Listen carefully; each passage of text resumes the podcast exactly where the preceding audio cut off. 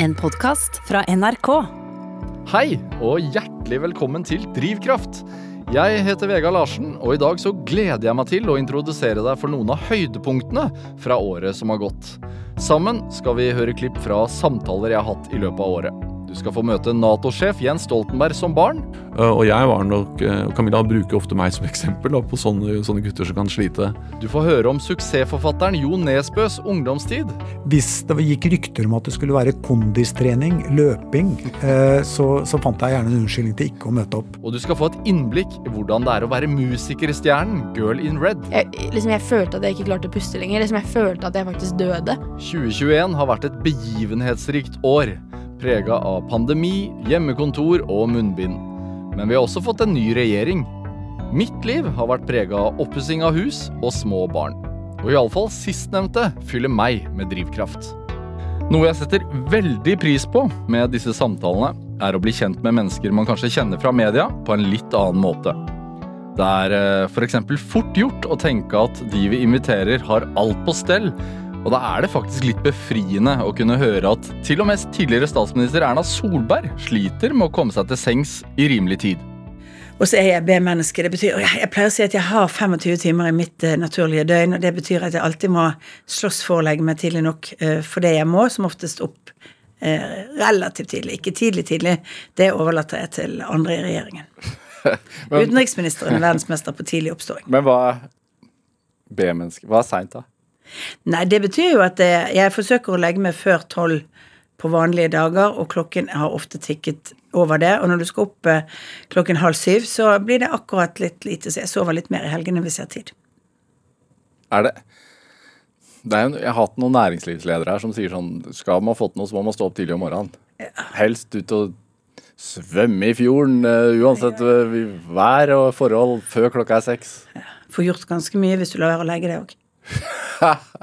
det, nei, altså det er sånn Det er sånn, sånn som jeg sier, fjolleri. der er mange, altså folk må leve den rytmen de har selv, ja. og de må gjøre den, den, det, den rytmen de har. Så den der eh, asketiske, pinslige biten som eh, liksom er en sånn Det norske idealet, eh, den syns jeg av og til blir litt overdrevet. ja? Ja. Det er det. Det er jo ikke sånn. Altså, det er jo en, alle, med, alle, som er B-mennesker, har vokst opp med å ha litt dårlig samvittighet for at de er B-mennesker. Tenkt at de skulle begynne tidligere å gjøre mer. Jeg har drevet svømmetrening om morgenen når jeg gikk på, på ungdomsskolen. altså Jeg drev med aktiv svømming i noen år. Det var jo et ork. Jeg har gått med Morgenavisen.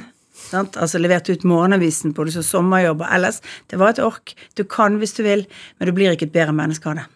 Nei, Hva gjør deg til et bedre menneske, da? Eh, det er jo at du er opplagt nok til å kunne se folk rundt deg. At du, ja. Ja, at du har ro med deg selv. At du ikke stre, hele tiden skal strebe etter de idealene som noen andre setter opp for deg. Det tar litt tid å bli voksen nok til å innse det. Men det slår meg altså, Du er statsminister. Er, du er sjef for mye. Ja. Hvordan Men det, det slår meg at du har en voldsom ro. Ja. Hvor Uh, ja, jeg har jo jeg har fått det. det. det. er vel en erkjennelse av at uh, jeg opplever at, uh, at man er god nok. Altså litt sånn Altså den du, Jeg tror det blir litt Vi har alle vært igjennom de tidene i livet hvor du føler at du skal gjøre mer, strekke deg lengre, gjøre ting. Og det, kan, det har jeg fortsatt følelsen av at du skal alltid egentlig ha gjort en, en jobb enda litt bedre. Sant? Jobbet enda litt mer med det manuset. Sant? Flikket enda mer på formuleringene. Samtidig så vet du jo at det er en balanse i alt dette hvis du skal mestre en stor mengde med arbeid. Ja så må du på en måte ha roen i det. Du får gjort mer ved å ikke være kavete enn ved å være kavete. 2021 har også romma et regjeringsskifte, og vår nåværende statsminister Jonas Gahr Støre har også gjesta Drivkraft i året som har gått. Da spurte jeg ham bl.a. om alle bildene av Oslomarka han har på Instagram-profilen sin. Instagram er det minst politiske for meg. da, og der, eh, Når jeg er ute og, og altså Blåtimen er det vakreste timen på døgnet, syns jeg. Hvor dagen begynner å gi slipp, men fortsatt er det fantastisk lys. Og så er det der jeg klarer å koble helt om når jeg er ute i naturen. Og det å ha eh, skog rundt oss, som vi har i denne byen, eller å være i nærheten av fjellet, det er eh, flott. Og da Da jeg bruker mobilen da, til å ta bilder, om det er av fint lys eller fin natur, og så er det å legge det ut. med noe særlig annet enn eh, å vise fram en fint bilde. Det er ikke, det er ikke noe mye mer mening i det enn det. Nei, men du ser noe du syns er vakkert? Altså. Ja, jeg syns det er vakkert. altså. Den blåtimen er jo også litt sånn hva skal jeg si, litt sånn melankolsk time også, fordi at eh, dagen gir litt slipp, og det begynner da den tiden av døgnet hvor det er mørkt. Og jeg har alltid vært glad i sånne mørke kvelder hvor du virkelig kan være inne uten å tenke på det som er utenfor. Eh, Og, og det å fange det når solen går ned ute, det syns jeg er, det er flott. Hadde jeg jobbet med foto, så tror jeg hadde opptatt meg med den timen. Eller maleri, kanskje? Ja, det her skal jeg høre. Jeg er klart ikke hjemme. Men Blåtimen er liksom også Det er jo noe norsk over det òg, da. For det, vi har liksom de fantastiske bildene fra fjell og sjø når, når liksom lyset øh, gir slipp, men allikevel skaper disse øh, ja, fantastisk vakre bildene. Hva tenker du på da? da? Det er ikke noe sånn helt spesielt, men jeg liker meg ute da. Jeg liker å være ute da, og det er liksom en oppsummering av at da går denne dagen mot, utedagen mot slutten, eh, og du liksom tar deg inn. Eh, og så blir det som sagt noen veldig, veldig vakre konturer ute i, i det flotte landet vårt. Det er fint å fange. Når var du sist ute i skauen? Ja, det var nå på søndag. da Det var jo en strålende skidag her hvor, eh, hvor vi bor, i denne byen. Jeg, jeg snakket med noen bekjenter fra Paris, der jeg studerte, om eh, hvordan det sto til med dem under koronatiden. Eh, og da tenkte jeg meg Ja, det er eh, strevsomt med korona for mange også, men det at vi har tilgjengelig natur, det er tross alt et, en, en lomme hvor vi kan være fri uten munnbind. Det er nærmest kø oppi der nå. da. Ja, men det er mye å ta av, vet du. Mye å ta av. Når vi først snakker om statsministre, så syns jeg det var interessant og også litt morsomt å høre om hva tidligere statsminister Gro Harlem Brundtland sa om det å være en offentlig person, som kanskje ikke alltid var like lett.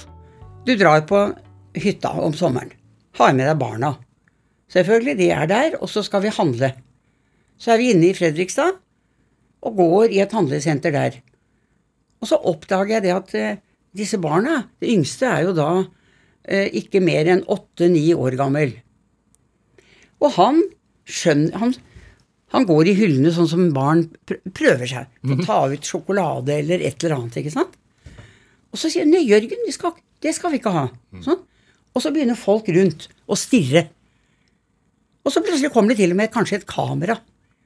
Og så skjønner du det at eh, du kan ikke være en mor som i et handlesenter passer på barnas atferd på vanlig måte. Fordi da kan andre oppfatte at du kjefter på barna. Som de aldri ville tenkt på hvis det var en annen person. Som tar sønnen Som sin sa- på skulderen ja, og bærer da, han ut. Ja, nettopp. Da ville de godta at vedkommende Selvfølgelig stopper man barn Ja. som prøver seg med å overta regien. Men de barna skjønte jo fort at jeg var handlingslammet. De skjønte jo Ja, det, det var jo ikke Det skulle jo ikke mer enn én gang til, det. Så forsto jo de at mamma turte ikke å si noe. Ja, det er gøy. Så jeg måtte jo slutte å ha det med. Ja, uff. Og sende Olav til å handle. Altså, jo, men det illustrerer at uh, du er ikke lenger et menneske som kan gå fritt omkring. Nei. Hvordan er det i dag? Så, nei, nå er det jo mye bedre, da. Det, uh, det har gått gradvis. Over de siste 10-15 årene. Men hvis vi går 20 år tilbake, så var det jo fortsatt slik at alle i Norge med en gang visste hvem jeg var. Og mange også i andre land, men i hvert fall i Norge så var det fortsatt sånn. Men, men så Nå begynner det jo å bli Nå kan det være en god del unge mennesker som er under 30, som ser meg, og som ikke vet noe om det. Og det er en lettelse, vet du. Er det det? Ja. Ja. Men det er veldig mange som kjenner meg igjen også nå. Fordi mange, veldig mange mennesker er over 30, du. Og, og kan kjenne igjen, selv om jeg nå har lengre hår. Ja, skal vi ta bilde, da? Hva? Det er, jo, det er jo hendig at folk stopper og spør om de kan ta bilde. Ja. Ja. Og det Stiller du opp på det, da? Jeg er snill, vet du. Så lenge mobilen er 60 Jeg er cm unna, si. er grunnleggende sett snill, sånn sett, ja. Det må være litt avstand. avstand ja. Hvordan man takler motstand, kan si mye om et menneske. Derfor var det interessant å høre om hvordan den suksessrike filmregissøren Joachim Trier takla en ganske alvorlig skiulykke. Det sier iallfall noe om hvorfor han har valgt yrket sitt. Jeg har brukket eh, ja, bein og armer og ribbein og tre hjernerystelser. Men jeg har jo alltid vært litt sånn vilter eh, og tatt sjanser. Jeg har vært veldig sånn risikosøkende. Jeg tror det har vært en del av personligheten min siden jeg var barn, og har heldigvis hatt foreldre som har tålt det. da. Ja. At jeg kom hjem med en en brukket arm.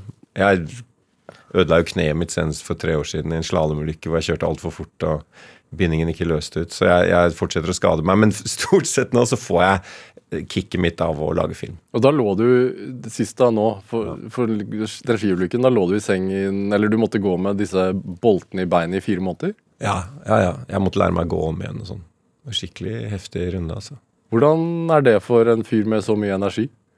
Det var tøft, men da måtte jeg putte energien inn i å trene meg opp igjen. da. Jeg hadde jo fantastiske kirurger på Ullevål som faktisk reddet benet mitt. Og det, og det var et talent, altså.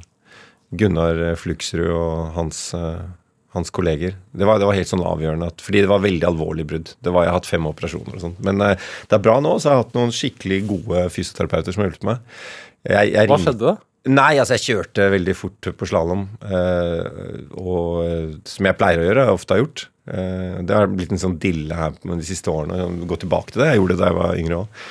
Og så falt jeg, og så løste ikke den bindingen ut. Og så ødela jeg hele tibia-platået. Altså bunnen av kneet mitt gikk i oppløsning, rett og slett. Så det var bare Det ble bare holdt sammen av sener og muskler. Det var helt slapt Så spagetti. Hvor vondt er det? Ja, Det er vondt.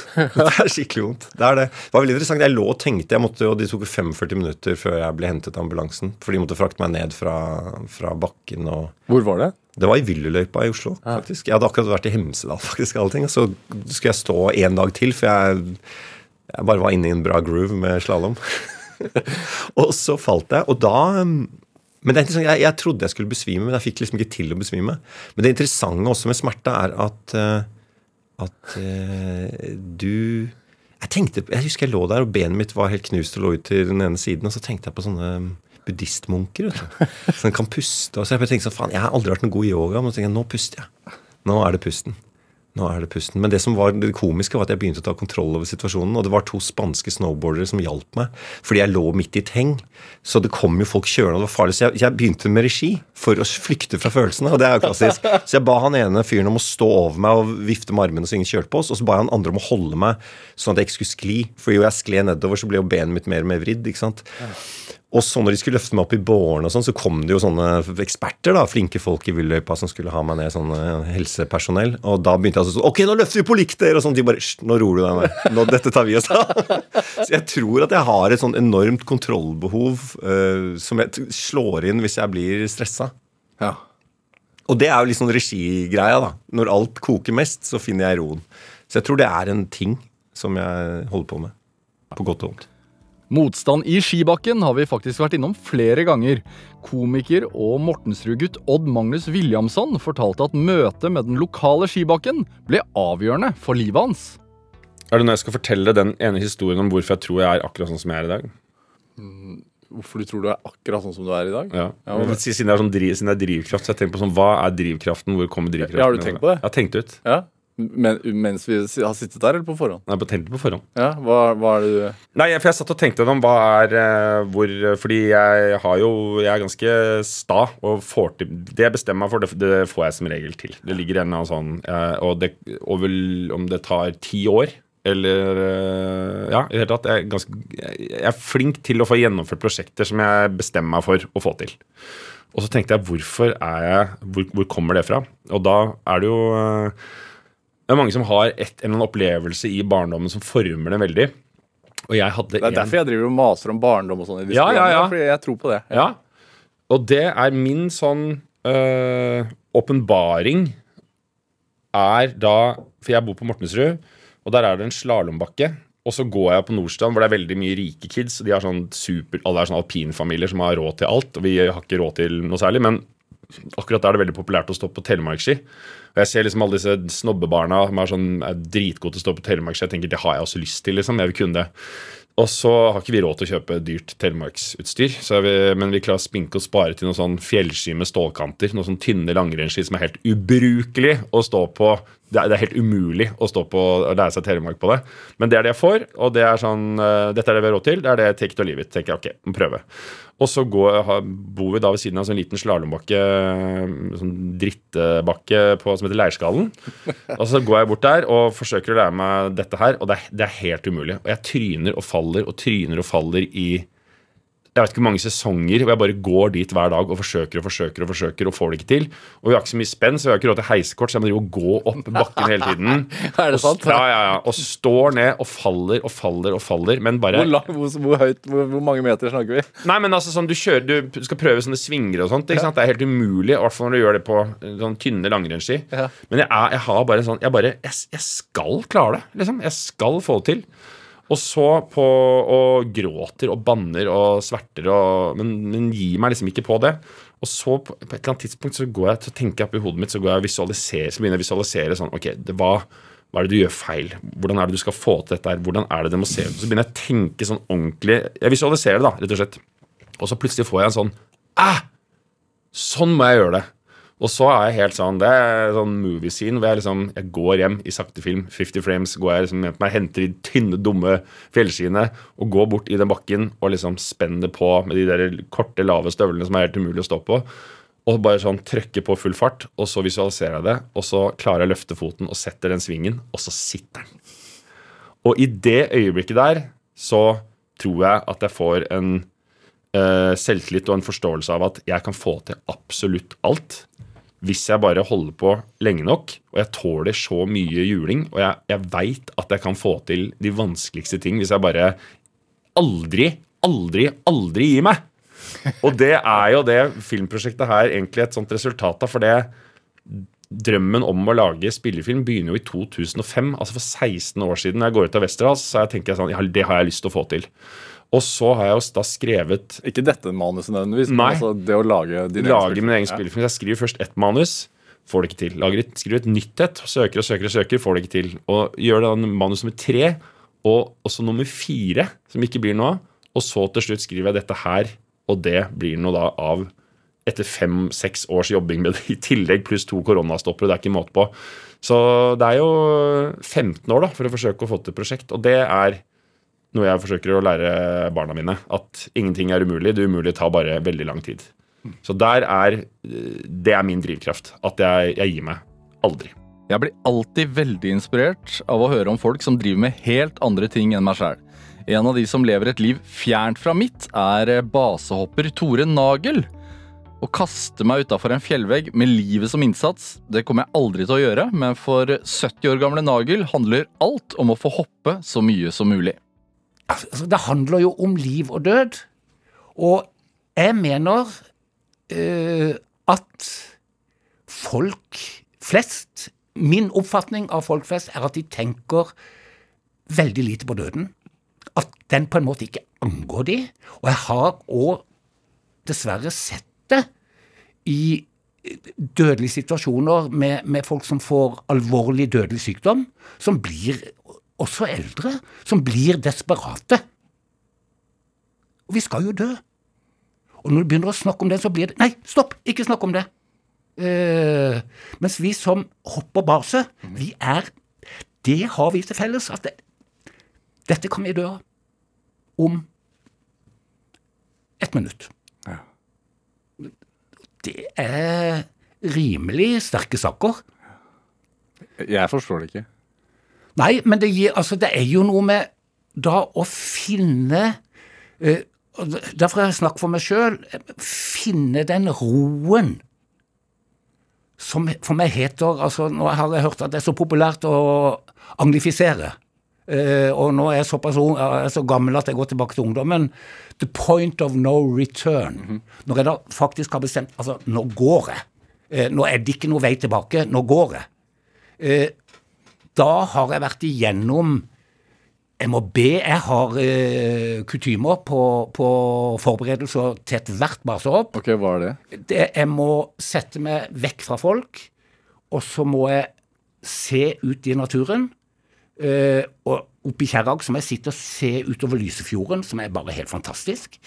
Eh, og så må jeg ha en lang bønn som går rett og slett på kjære Gud, ta vare på, og så remser jeg opp eh, alt og eh, veldig mange. Og mange navngitte, og eh, noen som mer generelt. Eh, og alle de andre, og de som lever og de som er døde og sånn.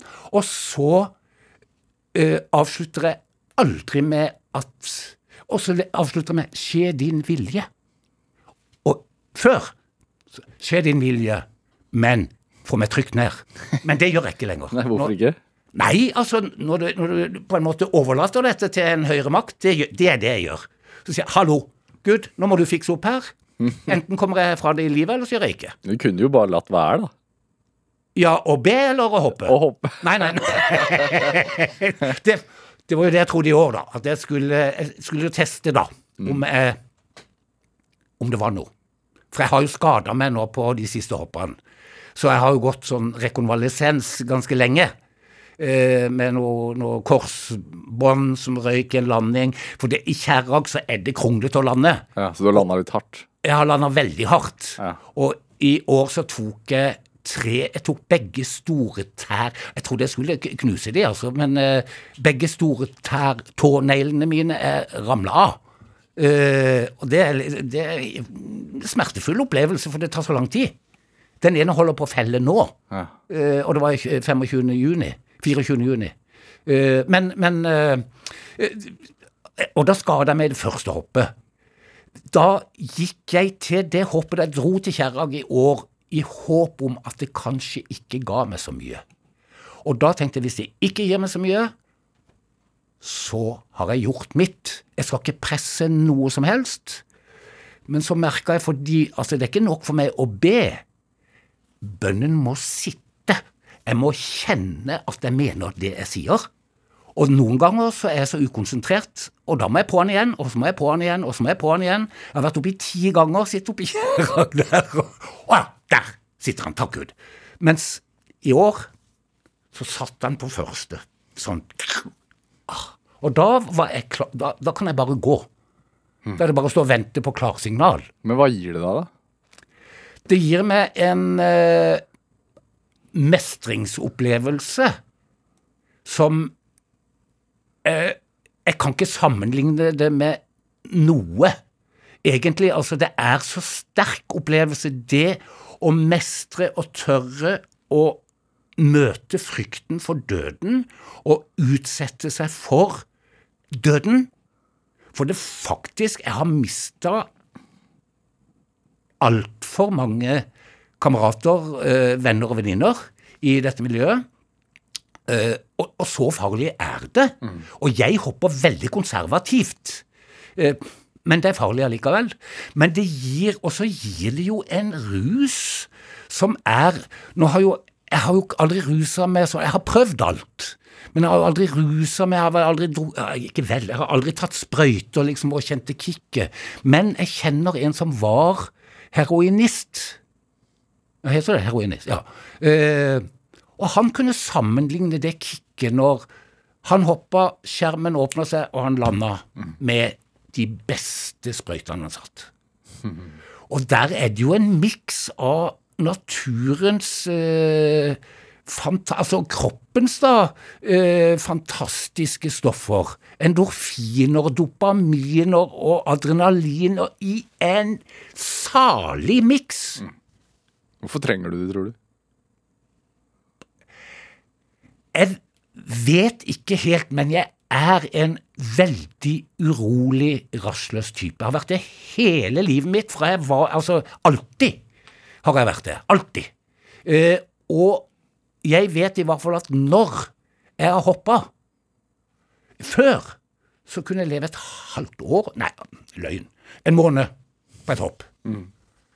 Nå kan jeg leve et par uker på ett hopp. Da er Og det er vel de eneste gangene i livet jeg føler at jeg er i vater, som jeg kaller det. Og, det, og det, den følelsen i seg sjøl er veldig god. Dette med å møte frykt og angst er det flere som har snakka om i Drivkraft. Og en av dem er den verdenskjente musikeren, 22 år gamle Marie Ulven, bedre kjent som Girl in Red. Fordi jeg hadde våkna klokka tre på natta i Bergen. Jeg, vet, hadde egentlig ikke helt våkna helt. Vi var på Thon hotell. eh, og, så, og så sa jeg sånn Isak, det er noe rart som skjer med meg. Og han var sånn «Åh, Hva er det som skjer? For han hadde sovna. Men jeg sa at jeg tror jeg har blodpropp i hjernen. Og jeg tror jeg er i ferd med å dø. Og jeg har uh, skikkelig vondt i beinet, og jeg følte at beinet mitt begynte å svulme opp. At liksom, føttene mine ble skikkelig varme, og det var veldig mye sånn rare ting som skjedde med kroppen. Og så mm, Da var han sånn Ok, Marie, da gjør vi to ting nå. Enten så uh, er du sikker på at det her går bra, og så, og så slapper vi av. Eller så må vi dra til legevakta. Og da var jeg sånn, ok, jeg tror vi må dra, vi må dra til legen. Så da gikk vi ned i lobbyen, og mens jeg var i lobbyen, så bare, da bare blacka jeg helt ut. Jeg måtte liksom legge meg ned på gulvet. Jeg klarte ikke å puste. Jeg begynte å skrike til Isak sånn «Eh, Isak, du må bestille ambulanse. Du må, du må ringe ambulanse. Og, og, og så måtte jeg liksom ropte jeg til resepsjonisten. Jeg var bare sånn Hjelp, jeg holder på å dø her. Eh, det var utrolig skummel opplevelse. Og jeg, liksom, jeg var i armene til Isak og liksom så inn i øynene hans og var sånn Isak er for øvrig min bestevenn. Uh, og jeg var sånn Nå dør jeg. nå dør jeg Han var sånn Nei, Marie, det her går bra. Så måtte han løfte meg opp sånn honeymoon-style. Sånn som vet når liksom noen akkurat har gifta seg, og han liksom mannen bærer sin nye kone inn i sengen. Mm sant? Sånn. Han bar meg sånn inn i, i taxien, og så og det der klippet der er det, at vi har ankommet til legevakta, og jeg prater om eh, hva som egentlig akkurat har gått gjennom kroppen min, og alt som har skjedd. Og så bare det, jeg snakker jeg med legen, da, og sier at eh, Og liksom spør om, om man kan kjenne at man får blodpropp, eh, og at jeg følte at hjertet mitt slutta å slå og sånt. Da, jeg, da var jeg utrolig syk. Det der skjedde hele tida, liksom. Ja, fordi du hadde ikke blodpropp. Nei, jeg hadde ikke blodpropp. Nei. Det hadde bare tidenes angst og panikkanfall. Det, eh, det er så sykt, det. Jeg har aldri hatt noe så ille som det, faktisk. Der jeg, jeg, jeg, liksom, jeg ble helt sånn jeg, liksom, jeg følte at jeg ikke klarte å puste lenger. Liksom, jeg følte at jeg faktisk døde. Jeg, liksom, jeg kjente i kroppen at jeg døde. Og det er jo ikke Det går jo ikke an, tror jeg, egentlig. Nei, det ikke vet jeg, Nei, altså. altså, jeg har ikke dødd før, så jeg vet ikke. Men uh, det var helt uh, ganske sjukt, ass. For det er jo veldig dramatisk. Altså, men er, du har opplevd det Du har hatt det sånn mange ganger? Ja, eller på en måte nå, det, nå har det skjedd så mange ganger at jeg tror at jeg liksom, Da jeg var, var i København også, i februar i fjor, for en liten sånn innspotur til eh, Nor Norrebrød, eller hva faen det heter. Uh, så, Nørrebro. Nørrebro, ja. Der har vi det, ja. Ikke Norrebrød. Men uh, Det er noe annet. Ja, det er, er det kanskje. Jeg vet ikke. Ikke jeg heller. Men det var Ok. Uansett, så um, Da måtte jeg dra på sykehuset da også, for jeg trodde jeg skulle dø av, eh, jeg har spist en valnøtt. Og jeg er egentlig ganske allergisk mot nøtter, og jeg fikk en helt crazy allergisk reaksjon. Uh, og så fikk jeg en sånn blanding av angst og nøtteallergisjokk, og det var bare helt krise. Ja, det, det er liksom sånn, jeg er faktisk, jeg er, faktisk jeg, er så, jeg er så redd for å dø. Jeg er så glad i livet at jeg får masse angst av det. Mm. Ja. Ja, for det er mest det, det det er lysten for å leve som gjør deg redd for døden. Ja, altså jeg har så lyst til å leve. Jeg syns det er så kult, det. Og det er så vakkert å bare gå nå og bare si at det spirer, og at det er vår. Fy søren, altså. Men betyr det at du har det bedre med de, de anfallene der nå? Er, Ja, nå har jeg det, nå har jeg det ikke Nå har jeg ikke hatt et sånn type anfall på skikkelig lenge. Og, jeg, og, jeg, og noen ganger når jeg skal legge meg Det er ofte når jeg skal legge meg at jeg liksom begynner å liksom tenke veldig på at jeg kjenner at hjertet mitt dunker. Og jeg syns det er veldig skummelt å kjenne at hjertet dunker. Ja, ikke sant? Det er, liksom, Noen ganger så kjenner man det ekstra. Og der blir jeg sånn, fader, liksom, Det er faktisk bare den lille dingsen her i kroppen min som bare jobber av seg sjæl. Og det er, liksom, det er ikke noen garanti for at den bare skal fortsette. da Uh, Og noen ganger så får jeg de tankene på kvelden. Men jeg har nå lært meg liksom å å ikke gå inn i alle de vonde tankene, eller de tankene om at nå kan hende jeg aldri våkner opp igjen. Fordi det er sånn Nå tenker jeg om jeg ikke våkner opp, så kommer jeg ikke til å merke det. Ikke sant? Ikke sant? Men har du, har du fått hjelp med ja, dette her? eller jeg gikk til um, sånn derre jeg Gikk til psykolog fra januar til april-ish. Men så jeg så, var så dårlig i april, og jeg hadde så mye sleit så skikkelig mye med dårlig selvtillit og selvbilde og selvhat at jeg trodde at øh, psykologen min mislikte meg veldig sterkt. Jeg trodde at hun ikke likte meg, og jeg trodde at eh, hun ikke, Jeg følte at hun ikke forsto meg, og derfor var jeg bare sånn Ok, jeg Når du spør meg om vi skal sette opp en ny time, så, så bare svarer ikke jeg på den meldinga. Så jeg, jeg, jeg måtte bare egentlig ghoste psykologen min. Jeg. Så nå, men nå tror jeg kanskje at jeg har lyst til bare å få meg en ny psykolog. Fordi jeg har det jævlig bra nå. Men hvorfor kan man, man, man kan, Jeg syns man burde snakke med en psykolog av og til selv om man har det bra. Ja. Sånn, plutselig så finner du ut at det var noe du hadde lyst til å si selv om.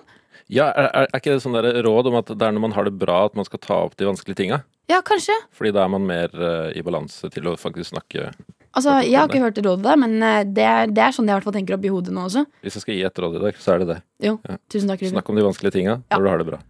Noe som er spennende med å se tilbake, er at man kan eh, trekke linjer mellom gjester. Og Man skulle kanskje ikke tro at eh, 22 år gamle Girl in Red eh, har så mye til felles med den 68 år gamle forfatteren Jan Kjærstad, men eh, Jan Kjærstad satte ord på mange av de samme følelsene da han var innom her tidligere i høst. Jeg husker det første eh, liksom, angrepene av den angsten kom da jeg var sånn 18-19. Så, så det har fulgt meg. Men eh, jeg har jo skjønt nå at det er jo egentlig ikke angsten for døden. Det er mer liksom den derre sorgen over ikke å være i live. Altså, jeg, du må snu på det. Altså, jeg tenker at det er ikke den derre at, at du er redd for å dø, for det, det vet du at du skal. Eh, og det vet alle. Og du kan sikkert være en, en skjelvende pyse og redde av deg akkurat når det skjer, og, og helt, gå helt amok. Men jeg, jeg tenker altså det forferdelige er det å ikke være i live. Nettopp fordi at dette livet er helt uutholdelig flott. Altså det, det det går, Jeg klarer nesten ikke tanke på at jeg ikke skal få lov til å være mer i dette livet. Og det kan gjøre deg Ja, og det, det, det er nok til å Tanken på det ubevisste. Altså Hvis jeg begynner å tenke på det, så, Ja. så svimler det. Det, det, er, det er helt Det er uutholdelig. Er det et sånt Har du et behov for kontroll? Jeg tenker sånn, Du, du har jo et enormt tilfang av, av kunnskap i bøkene dine. Og du elsker litteraturen, du elsker å prøve å fordype deg i hva mennesket er, hvor vi kommer fra, eh, hva vi altså, Hele vår liksom, eksistens. Mm. Er det det? Nei, jeg tror ikke det. Og du øver deg på å dø liksom hver kveld, da, kan du si. Altså, altså før du sovner. Fordi at du tenker sånn Egentlig, teoretisk så vil du ikke sove heller. Fordi at du er jo helt borte da. Så Men er det da det kan melde seg? Det er noen som kaller liksom hver natt for den lille død. For at eh, det er Det er eh, Du er jo ikke da På en måte så, så er du ute av deg sjøl. Men du, du, du kommer til deg sjøl igjen hver morgen. da. Så jeg tenker jo hver morgen at det er et mirakel. Du, du våkner opp i senga. Så for meg så er det å våkne, det er så flott. Jeg, jeg tror jeg aldri har hatt en dårlig morgen. Fordi at jeg tenker sånn der Enda en dag. Det, det er helt uh, Altså Da blir jeg litt sånn Erik Bye, altså. Dagen en dag. Nei, dagen i dag. Men er det uh, Ja. du, du studerte jo teologi. Ja, nei, det trenger ikke noe sammen med det, for det, det er liksom en helt annen tråd, tenker jeg. Men det, det er mer det derre så, så jeg tror at det, Derfor er jeg, ikke, altså, jeg er ikke redd for å dø på den måten her, for det, det er jo som å sovne. Men det er det der at du ikke våkner igjen. Det er grusomt. Altså, Da er det en evig søvn. Da er du borte for alltid. Altså, Det er helt Det er så skrekkelig at jeg får gysninger av det. Men, men du har sikkert lest om hvordan eh, overvinne den frykten og Nei, jeg, har ikke, jeg har ikke et eneste remedium for det. Jeg, jeg, jeg er helt blank. Altså, jeg, bare, jeg må bare prøve å unngå å tenke på det. Det er det eneste jeg kan eh, Det er det eneste medisinen. Vi dykker ofte ned i barndommen her i Drivkraft. Jeg tror at de tidlige årene er viktige for hvem vi blir.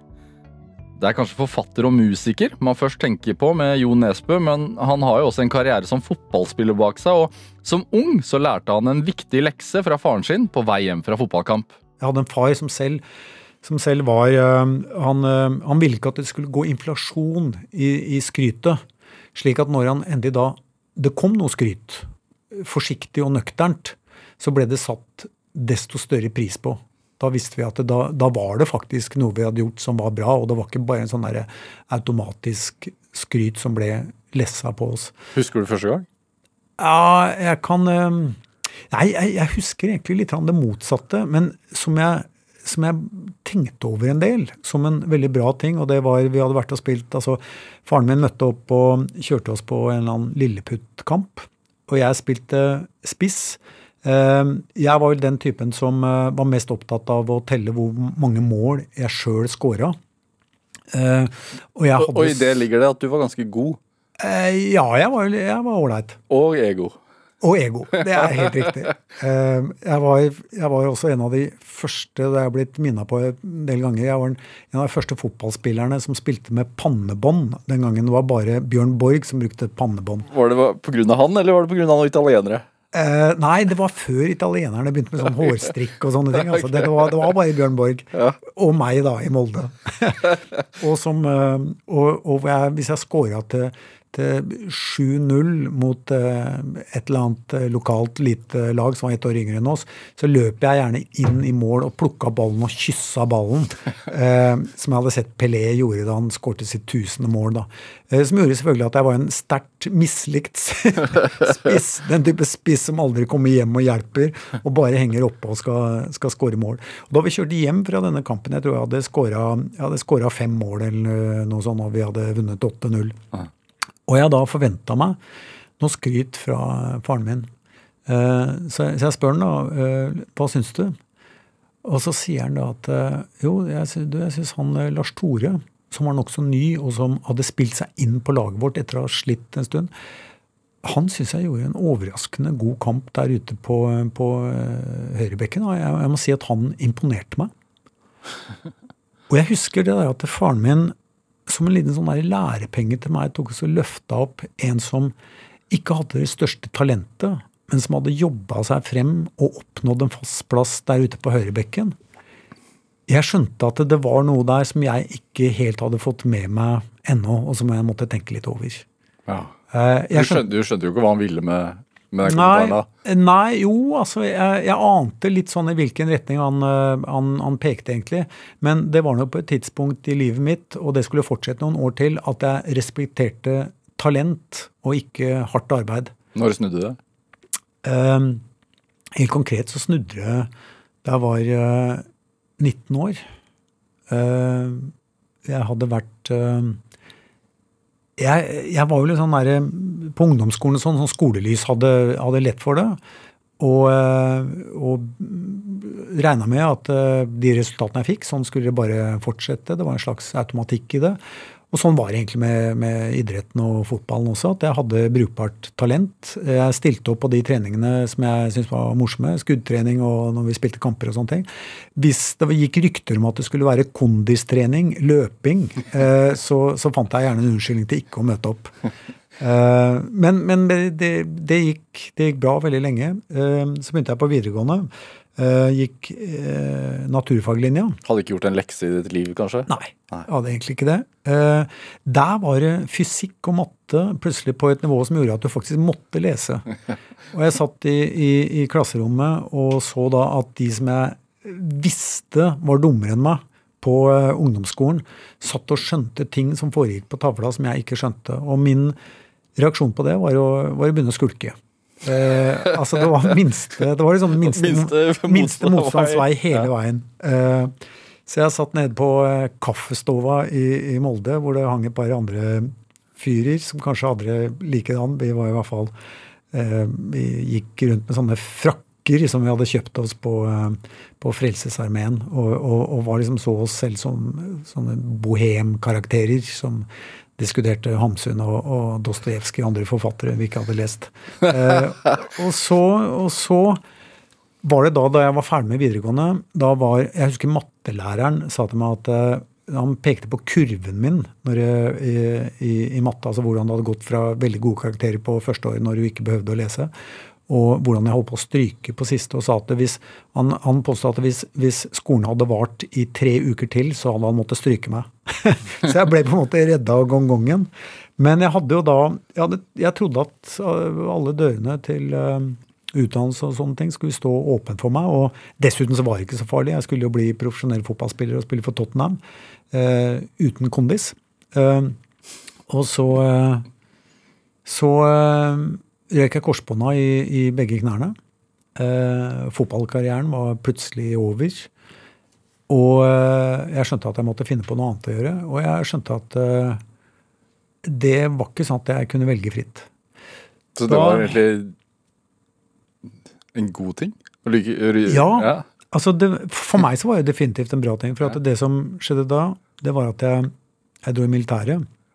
Eh, jeg søkte meg til Finnmark, og satt oppe i Finnmark. Og uh, satt der i mørketida, og for første gang i mitt liv så gjorde jeg en arbeidsinnsats. Uh, jobba målretta med å få meg en ordentlig eksamen. Leste, tok egentlig hele videregående om igjen mens jeg satt der oppe i, uh, i vintermørket. Uh, og, fikk, og fikk bra karakterer. Og jeg skjønte at det er ikke slik at du er det er ikke slik at du er født til å forstå matte og, og, og, forstå derivering sånn fra naturen sånn. så jeg lærte meg det.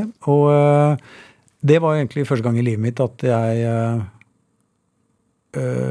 ble premiert, følte jeg, for å legge ned en arbeidsinnsats. Og begynte å respektere hardt arbeid mer enn talent. Som ung er det ofte vanskelig å skille mellom hva som er ens egne mål, og hva som er forventningene utenfra. Det fikk dokumentarfilmskaper Dia Khan erfare da hun som ung følte seg presset inn i en rolle som musiker. Det var jo ikke mitt. Det var jo, jeg prøvde jo å gjøre noe som alle andre ville at jeg skulle gjøre. Og, og, ikke bare musikk, men alt. ikke sant? Skal, må være sånn flink på skolen, og du må være sånn og sånn, og du må være så ordentlig, og du må Altså alt er liksom Det, du, det, er, det er liksom disse grunnleggende uh, forventninger som samfunnet har av oss alle. Uh, og vi alle på en måte prøver vårt beste, og prøver å, å tilfredsstille det, prøve å passe inn i det. Mm. Uh, på godt og på vondt. Om, det, om, vi egentlig passer inn eller ikke. Om det egentlig er noe som har noe med hjertet vårt eller talentet vårt eller ønskene våre, drømmene våre å gjøre eller ikke. Mm. Liksom, Vi tør veldig sjelden å bare være oss selv. For vi vil heller være det folk vil at vi skal være. Det er lettere, men jeg måtte lære, og veldig mange lærer det samme, at det, det egentlig er veldig, veldig vanskelig å prøve å være noe uh, for andre og ikke bare, bare, være den du er. Akseptere deg selv. Ikke vente på aks aksept fra andre, men du må bare akseptere deg selv. På, på, på godt og vondt. På, med, med, alle dine feil, med alle dine usikkerheter, med alle dine uh, um, Alt.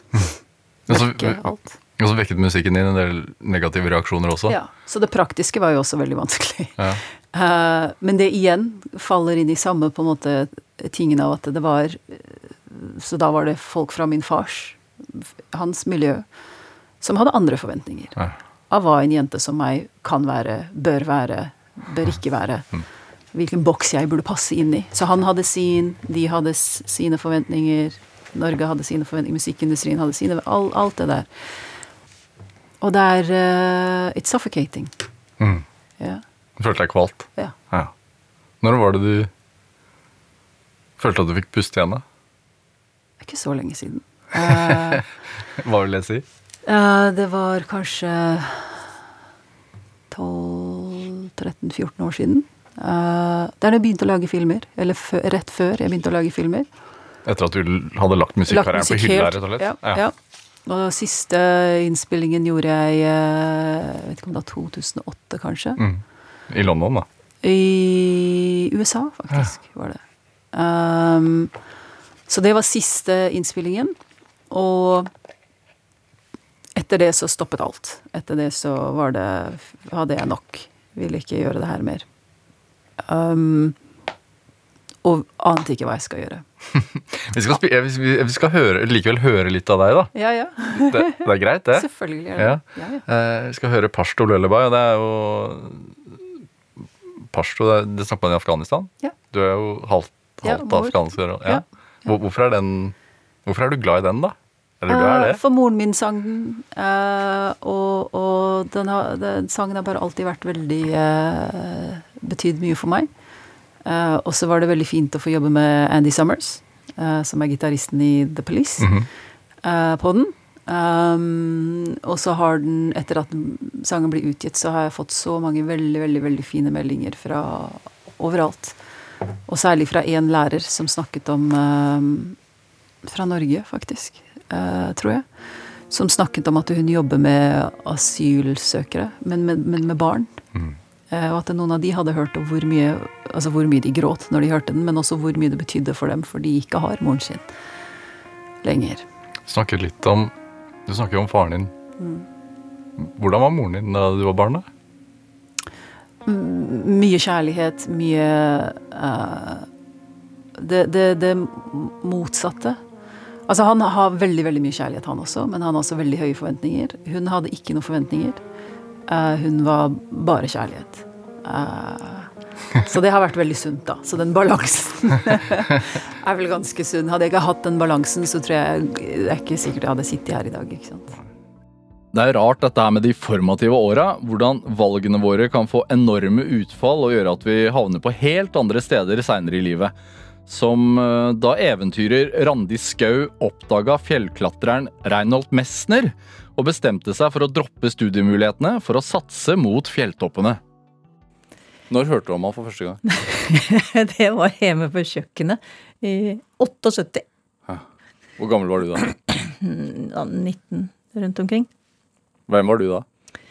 Jeg var eh, en som eh, akkurat hadde tatt uh, gymnaset som privatist. Og kjørte gråtende hjem igjen i bilen min. En gammel rød Saab som putra av gårde. Hvorfor det? Jeg skjønte det ikke da. Jeg har skjønt det etterpå. eh, Og det var jo det som var frustrerende da. Jeg satt og grein, hadde fått seks i fransk og hadde fått toppkarakterer i alle andre fag og var egentlig den flinke jenta i klassen. Eh, Men var kjempelei meg. Eh, Og i ettertid så har jeg skjønt at det var fordi at jeg hadde ikke noe nytt sted å gå. Hva skulle skje nå? Jeg var øh, 19 år, og livet var på en måte over. Jeg hadde hatt ett mål, og det var å få ferdig det gymnaset. Eh, Og nå visste jeg ikke hvor jeg skulle videre. Så jeg var rett og slett uten mål og mening, og det tror jeg gjør noe med oss. Vi trenger en retning i livet. Vi trenger mening. Vi trenger noe som er større enn oss sjøl, da. Eh, Og det hadde ikke jeg der og da. Jeg hadde bare det der gymnaset som skulle bli ferdig men Nå var jeg ferdig, da. Hva tror du det gjør med oss? Vi vil gjerne høre mer om det, men hva tror du det gjør med oss akkurat nå, hvor man ikke vet? Jeg, jeg, jeg, eh, det er litt, litt vanskelig for meg å sette meg inn i, for at jeg driver jo med det jeg brenner for. Ja. Så jeg våkner jo hver dag og er kjempeglad. Eh, Men jeg kan godt tenke meg at for folk som nå jobber på hjemmekontor, har liten sosial omgang, er lite ute, eh, får lite frisk luft, eh, ikke aner hvor lenge dette her kommer til å bli, Og skoleungdom som blir tatt på Skole, skolen av ja, ikke sant? Jeg, jeg kan tenke meg at det fører til at man på en måte føler at man lever i stillstand, da. Eh, og og jeg, jeg tenker at det er ikke særlig sunt for oss. Og det krever da mer av oss i forhold til å faktisk få den dagen til å bli bra. Vi trenger å ta grep, da. For å få det til. Sånn som jeg fortalte deg i stad at jeg gjør om morgenen. At jeg smiler til meg sjøl om morgenen. Og det grepet der, det er kjempeenkelt. Det er gratis. Det, alle kan gjøre det. Og, det, hvis, det ut av det programmet her bare kommer at det er noen flere i Norge som faktisk strekker armene over huet om morgenen og smilter seg sjøl, så, så føler jeg at det har hatt en misjon å komme hit i dag. Og det er jo sånne ting jeg ønsker å drive med. Men hva tenkte du da i bilen gråtende hjem fra Nei, altså Jeg husker ikke hva jeg tenkte, men jeg bare husker at jeg var veldig lei meg. Og dagen etter så var jo rett i arbeid, da, for det var sånn det var å vokse opp på gård. Det var jo arbeid så fort du kunne gjøre det. Hva gjorde du da? Jeg var ute og kjørte traktor. Og så skulle vi inn til Mors og så står vi inne på kjøkkenet, og da renner det en nyhetsmelding ut av den der grå kurreradioen som står på kjøkkenbordet, hvor nyhetsoppleseren sier at Reinhold Messner hadde vært på toppen av Everest uten oksygen. Som førstemann. Som, ja, som førstemann i verden. Altså det, det hadde ikke vært tenkt på engang å gjøre det. Eh, og dette her var jo galskap, syntes de andre inne på kjøkkenet. Vi var en seks-sju stykker som sto der. Og det, altså det gikk fra å være helt stille til å bli nærmest en kaotisk tilstand av kritikk. Ja. For det er veldig lett å komme med kritikk. Så det var som idiot, sette ut seg sjøl og andre for sånn fare, at det går an. Og da var det faren min da, som reiste seg opp, og så sier han altså han var ikke en svær kar, men han syntes godt. Og han, han var veldig sånn tydelig på hva han likte og hva han ikke likte. Faren din. Faren min, ja. Ja. Og jeg hadde stor respekt for faren min. Han, eh, var, vi var veldig gode venner. Men han reiste seg opp, og så slo han ut med armene, og så sier han 'hva i helvete skal folk oppå der og gjøre?' og der kommer det som du spurte om, da hva betyr Reinhold Mester for meg? Jo, han var inspirasjonen til å finne en ny en vei i livet, da. En drøm. Fordi det som skjedde da, det var at jeg, jeg kom ikke i oppr opprør til faren min, men jeg begynte å tenke hvorfor ikke? Og der kommer det der med why igjen, ikke sant? Hvorfor? Hvorfor? Hvorfor ikke? Tenk å komme opp på verdens høyeste fjell, da. ja, Tenk å, mestre, tenk å klare det! Og det var det som var i huet på meg. Og dermed så fikk jeg en drøm. Men hvorfor var, var Jeg er jo Må innrømme at jeg var mer enig med faren din. Ja, Man hadde på en måte rett, for det er ingen som har noe på det å gjøre. Nei. Men, men som, som en eh, metafor, på en måte, da, så er fjell veldig viktig for oss. Fjell er noe sånn solid og stødig og sånn. Og jeg har også det sånn, hvis, hvis jeg har noen perioder hvor det er litt uh, tøffere i livet, så eh, lukker jeg en øye, og så står jeg sånn skikkelig støtt på beina mine. altså Planter beina i bakken og reiser meg opp, så jeg står sånn at ingen kan dytte meg uansett. At jeg står stødig på beina mine. Og så lukker jeg øya, og så ser jeg for meg et fjell. Og så er veien dit, den, den går litt sånn over eh, noen sånn vei som jeg, jeg Nå sitter her og tegner til deg, da. og lukker øya. Men da, da, jeg, og jeg, nå ser jeg det inni huet mitt. da er det sånn, det er sånn skaukledde åser og sånn. Og så går den veien, så blir den borte litt, og så kommer den igjen over neste ås, og til slutt så skal han opp av det fjellet. Men må det være et fjell? For meg så er fjell noe sånn veldig solid. Eh, og det fjellet det er på en måte en metafor på et eller annet som jeg har lyst til å oppnå. Eh, og da trenger det ikke det være et fjell. Det kan være noe helt annet. Ja, sant, Så det er bare et, et mål? Ja, ja, det er på en måte en sånn øh, stadfestelse, kan du si, da. Av noe som jeg har lyst til å oppnå. Og det, det trenger jo ikke da å være å gå på en fjelltur, men det kan være å få til noe annet. Men sa du det til deg selv da som 19-åring at en dag så skal du også på Everest? Jeg sa ikke det. Jeg sa ikke det i det hele tatt, men jeg undra meg litt. Og nysgjerrighet, det er det som bringer hverdag framover. For det, altså hvis vi ikke har nysgjerrighet, så vil vi heller ikke prøve noe nytt. Da gjør vi bare det vi har gjort før. Og nysgjerrighet er en kjempesterk drivkraft. Jeg var veldig nysgjerrig på det der. Eh, Og jeg tenkte tenk så kult, da. Tenk å klare å komme opp på verdens høyeste fjell. Og da begynte du å studere økonomi? Da, ja.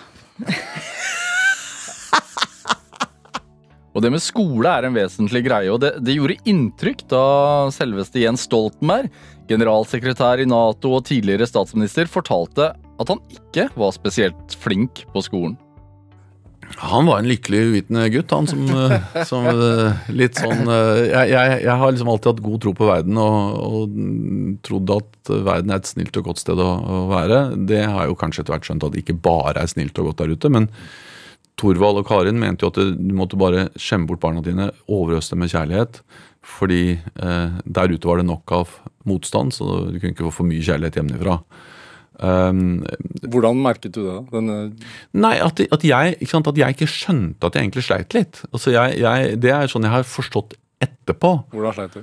Nei, jeg sleit jo i betydning at jeg Først var jeg ganske lubben, eller tykk, eller kall det hva du vil. Jeg kom hjem fra, Vi bodde jo i Beograd til jeg var fem år, og jeg kom til Norge og behersket ikke liksom det der å være ute og leke i snø og ha votter og lure og sånn. Jeg, var liksom, jeg, jeg fiksa ikke det å være gutt i Norge, eh, eller barn i Norge. Uh, Simpelthen bare det å altså bare det å gå på ski, altså bare sånne, sånne, sånne eller gå på skøyter. Det var bare nederlag, alt det greiene der. Uh, uh, fikk det ikke til, kunne ikke. Uh, Men hvor- og så- ja. Men hvordan var det, da? Nei, det, altså, jeg tror det Jeg husker det ikke så ille. Jeg bare trakk meg tilbake. Men fra utsida så tror jeg det må ha sett litt trist ut. En litt sånn hjelpeløs gutt som slet litt. Og så stammet jeg. Kunne jo ikke snakke. Du gjør det Uh, litt ennå, ikke? Jo, altså jeg hører selv at jeg kan stamme, eller at jeg, at, at jeg kan bare sånn, eh, hakke litt liksom før et ord kommer. Eh, Jeg trodde kanskje ikke andre ikke hørte det, men jeg eh, hører det. At det nå er sånn, men det, Jeg tror det er feil å kalle det stamming, altså, eller det er det garantert. Men, men, men jeg stammet uh, eh, som barn. Uh, eh, og så slet jeg veldig med å lese og skrive. Men jeg gikk jo på Sternskolen, og det var en sant, de, de sa til mine foreldre han kommer til å lære å lese og skrive når han føler for det og er moden for det. Eh, og så lærte det, så lærte jeg det, men det, jeg begynte sent. Hva var, var, var sent? Fjerde, Fjerdeklasse-ish, eller noe sånt omtrent. Men altså det, det var jo foreldrene mine som i all hovedsak lærte meg å lese og skrive. eh, I hvert fall lese. For de leste Jeg leste liksom en halvside, og så leste de resten av kapitlet. Og så leste jeg etter hvert en side eller to, og så leste de resten av kapittelet. Så jeg, jeg Men jeg brukte veldig lang tid på det. øh, øh, og øh, Men igjen, altså det, det, igjen har Camilla har jo nå laget en offentlig utredning om dette med kjønnsforskjeller i skolen. Og at det, faktisk mange gutter er bare mindre utviklet. øh, Har mindre evne til å lære. Altså, de, de, de tar det igjen, men de er eldre når de får evne til å tilegne seg den type boklig kunnskap. Uh, og jeg var nok, uh, og Camilla bruker ofte meg som eksempel da, på sånne, sånne gutter som kan slite i en periode, uh, men så fikse det seinere hvis de bare får lov til det og ikke blir på en måte, ødelagt i de årene de henger etter. Og jeg hang etter en god del år. og så Pga. Steinerskolen, pga. foreldrene mine, pga. flaks, andre ting, så, så, så ble jeg ikke liksom så ble jeg ikke værende der, men greide å komme meg inn igjen og lære meg fag og skole. Ja, hva tenker du om det i voksen alder, da? At, du, at det tok så lang tid? Jeg tenker at jeg er veldig heldig som eh, møtte voksne, som møtte en skole, som møtte omgivelser, som lot meg være den litt eh, gutten som ikke kunne lese og skrive. Har, vi fikk jo ikke karakterer på Steinerskolen, vi fikk sånne brev. Og jeg har jo et av brevene der hvor det står et eller annet at Jens, eh, er en fantastisk snill gutt. Han er veldig flink med eh, farger og form, eh, håndarbeid og sløyd, og han er eh, eh, så til stede når vi spiller teater. Jeg var veldig opptatt av teater. Men de boklige fag, eh, som lesing, skriving og regning, vil nok Jens aldri beherske. Og det, er, og det skjønner jeg godt at han læreren skrev, da. eh, Christian Smith i når er det, sånn 1970, par og 70. Um, uh, Det gikk greit. det, ja, det, det Paradokset at matematikk ble mitt spesialfag. liksom, Statistikk og matematikk. Vurderte å bli doktor. Jeg vil i hvert fall bli statistiker. eh, så så lærdommen av det er bare at jeg tror veldig mange med litt annen skole, litt andre omgivelser, hadde jo hadde mistet så mye selvtillit at du aldri hadde kommet tilbake. Men jeg greide å altså Ikke fordi jeg er noe annerledes, men, men fordi jeg hadde en, eh, eh, omgivelser som lot meg være flink. Jeg var veldig flink til å spille teater. Jeg var mest spilte svære teaterstykker og, og malte masse bilder og holdt på med det i mange år. Og så når jeg først begynte å lese og skrive, så begynte jeg å lese og skrive eh, med entusiasme, og ikke minst eh, matematikken. Tusen takk for at du har vært med oss denne timen. I den andre delen av denne årsoppsummeringen så skal vi få høre fra andre komiker Robert Stoltenberg, mesterkokk Sven Erik Reno og danseren Mona Berntsen. Jeg heter Vega Larsen, og du hørte en årsoppsummering av Drivkraft.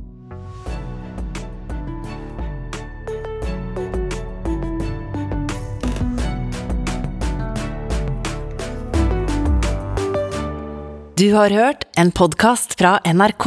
De nyeste episodene hører du først i appen NRK Radio.